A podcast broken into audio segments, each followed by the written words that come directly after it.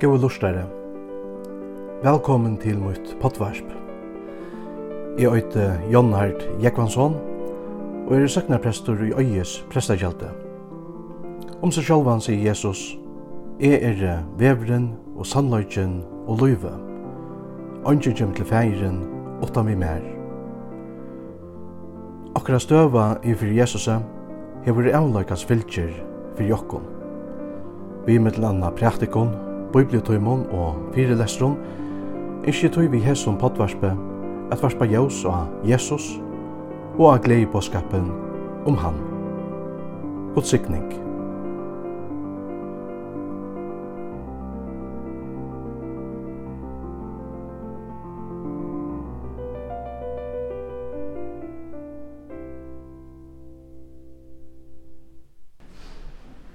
Menneskesånderen er kommet at løyta opp hit feirna og at bjerga tøy.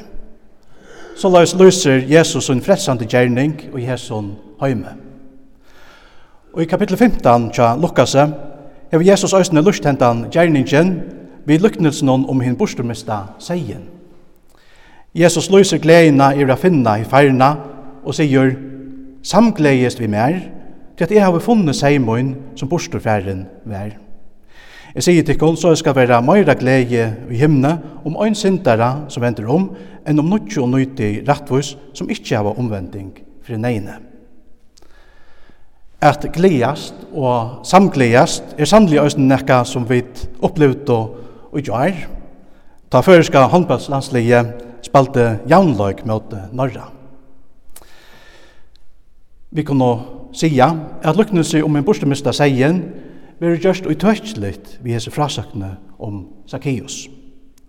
Er høyra vit om ein sindara som vendur om og hva tekta ber visser og i løyvnum tja hesson mannen. Vi tar hørt at Zacchaeus var ein rykur mævur. Hetta løy tankarna til den underfarna kapitlen eh, tja Lukasa.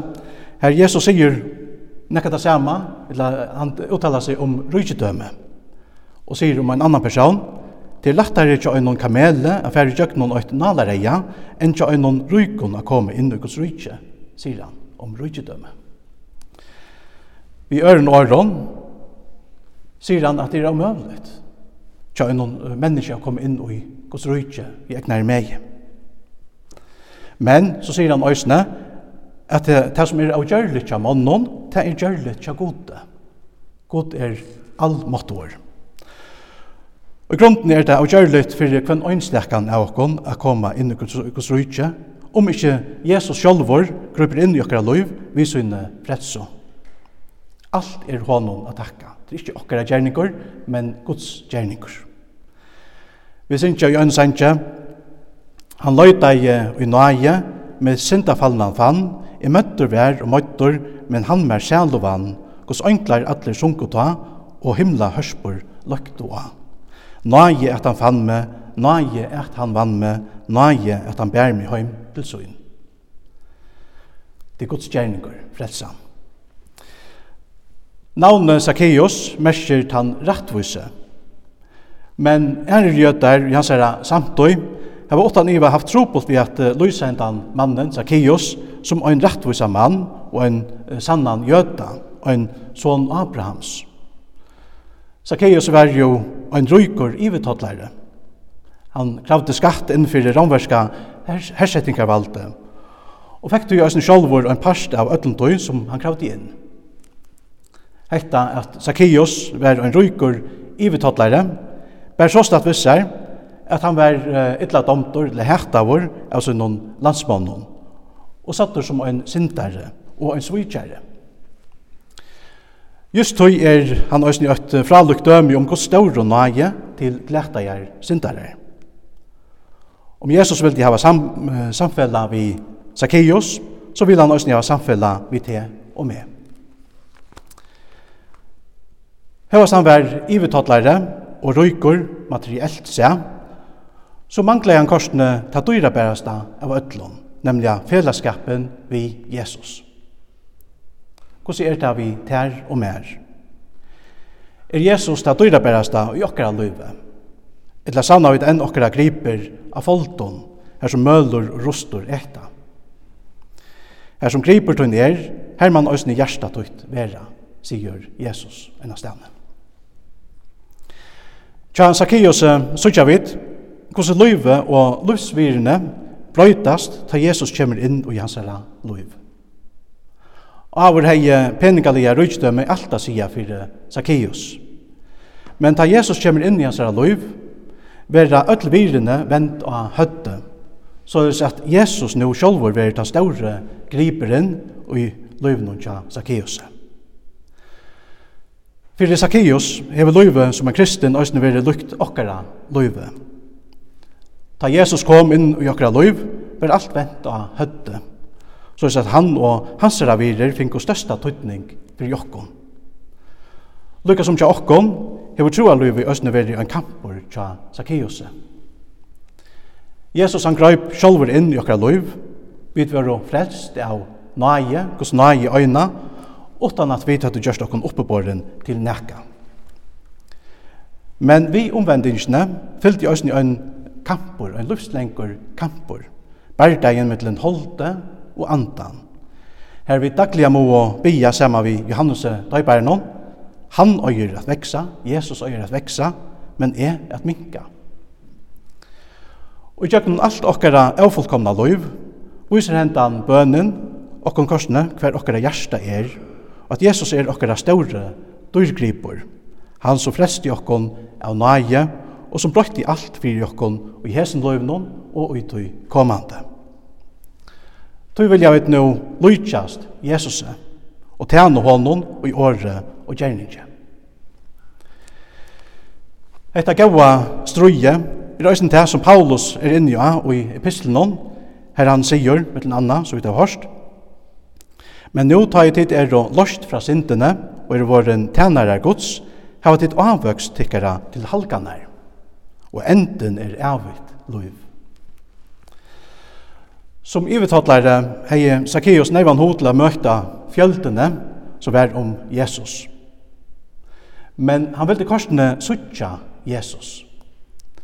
Mørbergasøyene var kjent for sin stotta bol og tøyt og blø. Og tanto såst stod Zacchaeus vel. Oppi i hesson Mørbergasøyene kunde Zacchaeus, som var løytel av vøkstre, suttja Jesus og samstundes gøyma seg for fjöldene.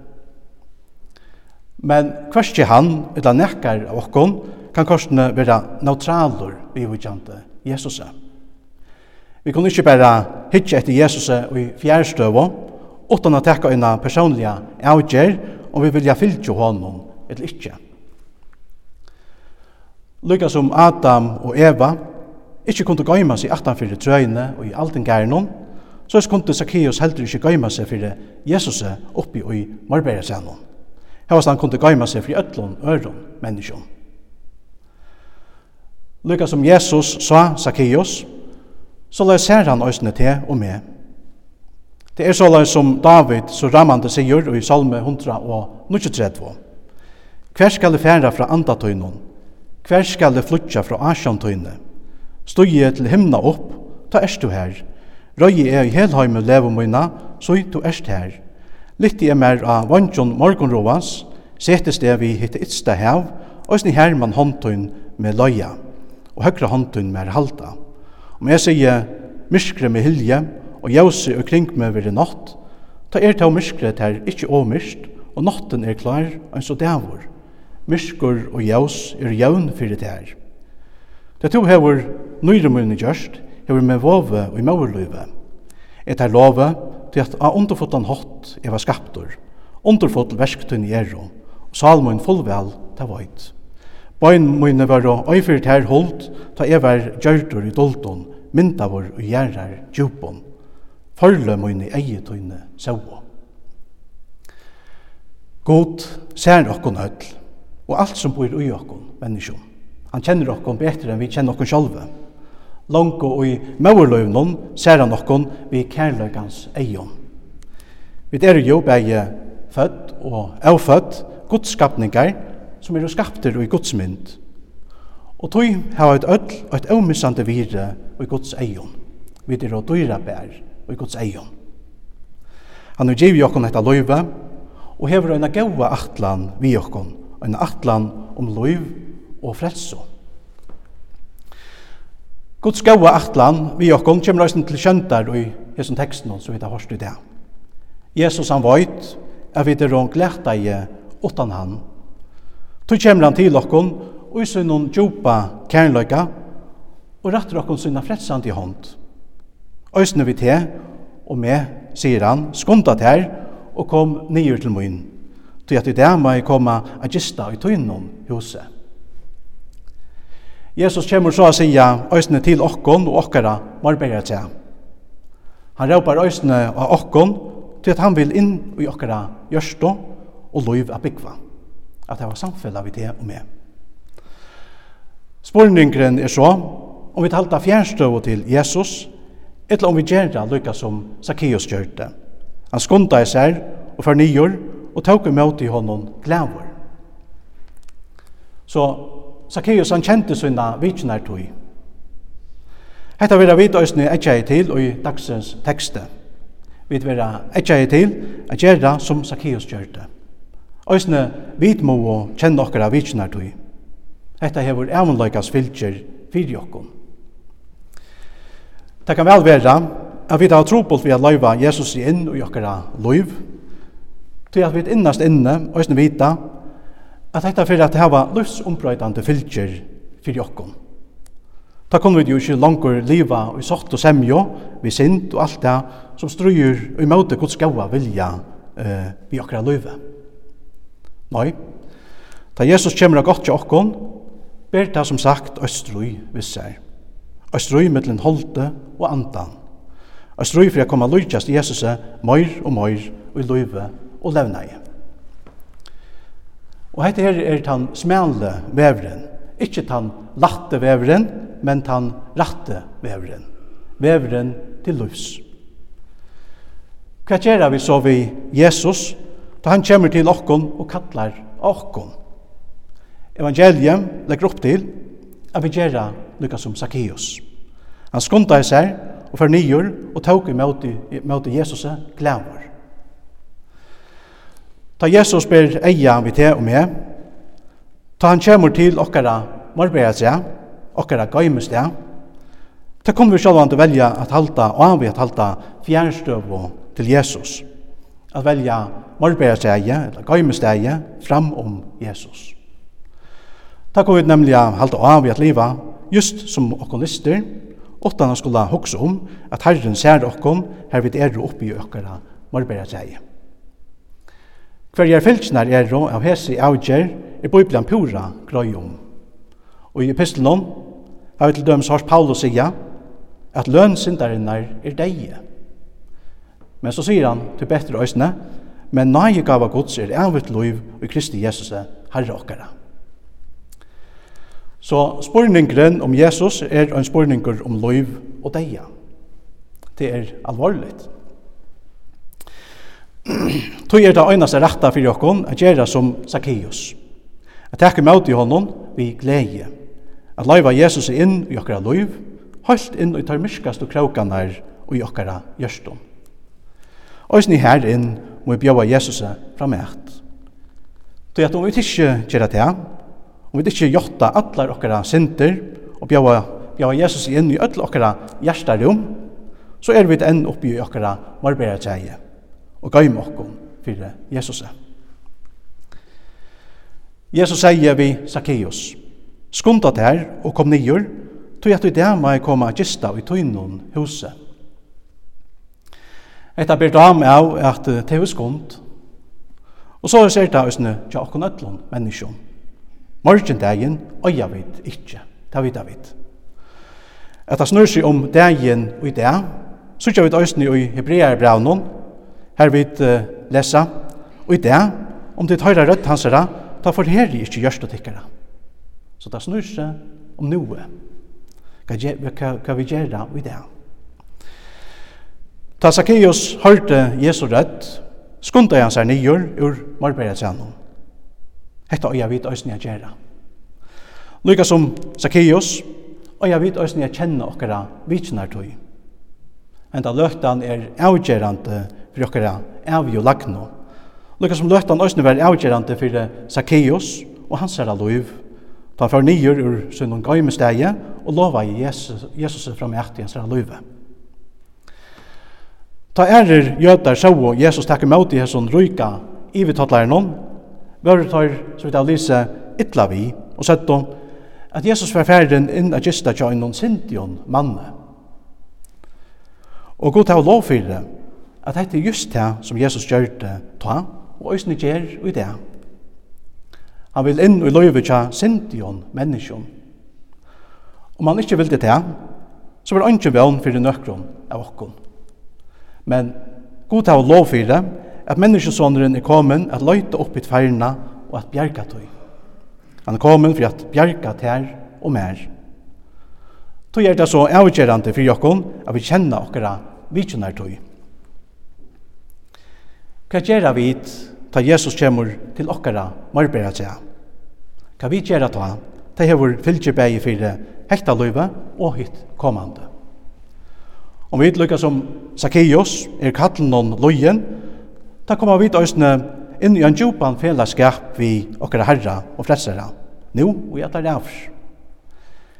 Hette er jo sjåvante fylgjer, lukka som det òsne er fylgjer fyrir Zacchaeus og hans herra løyve.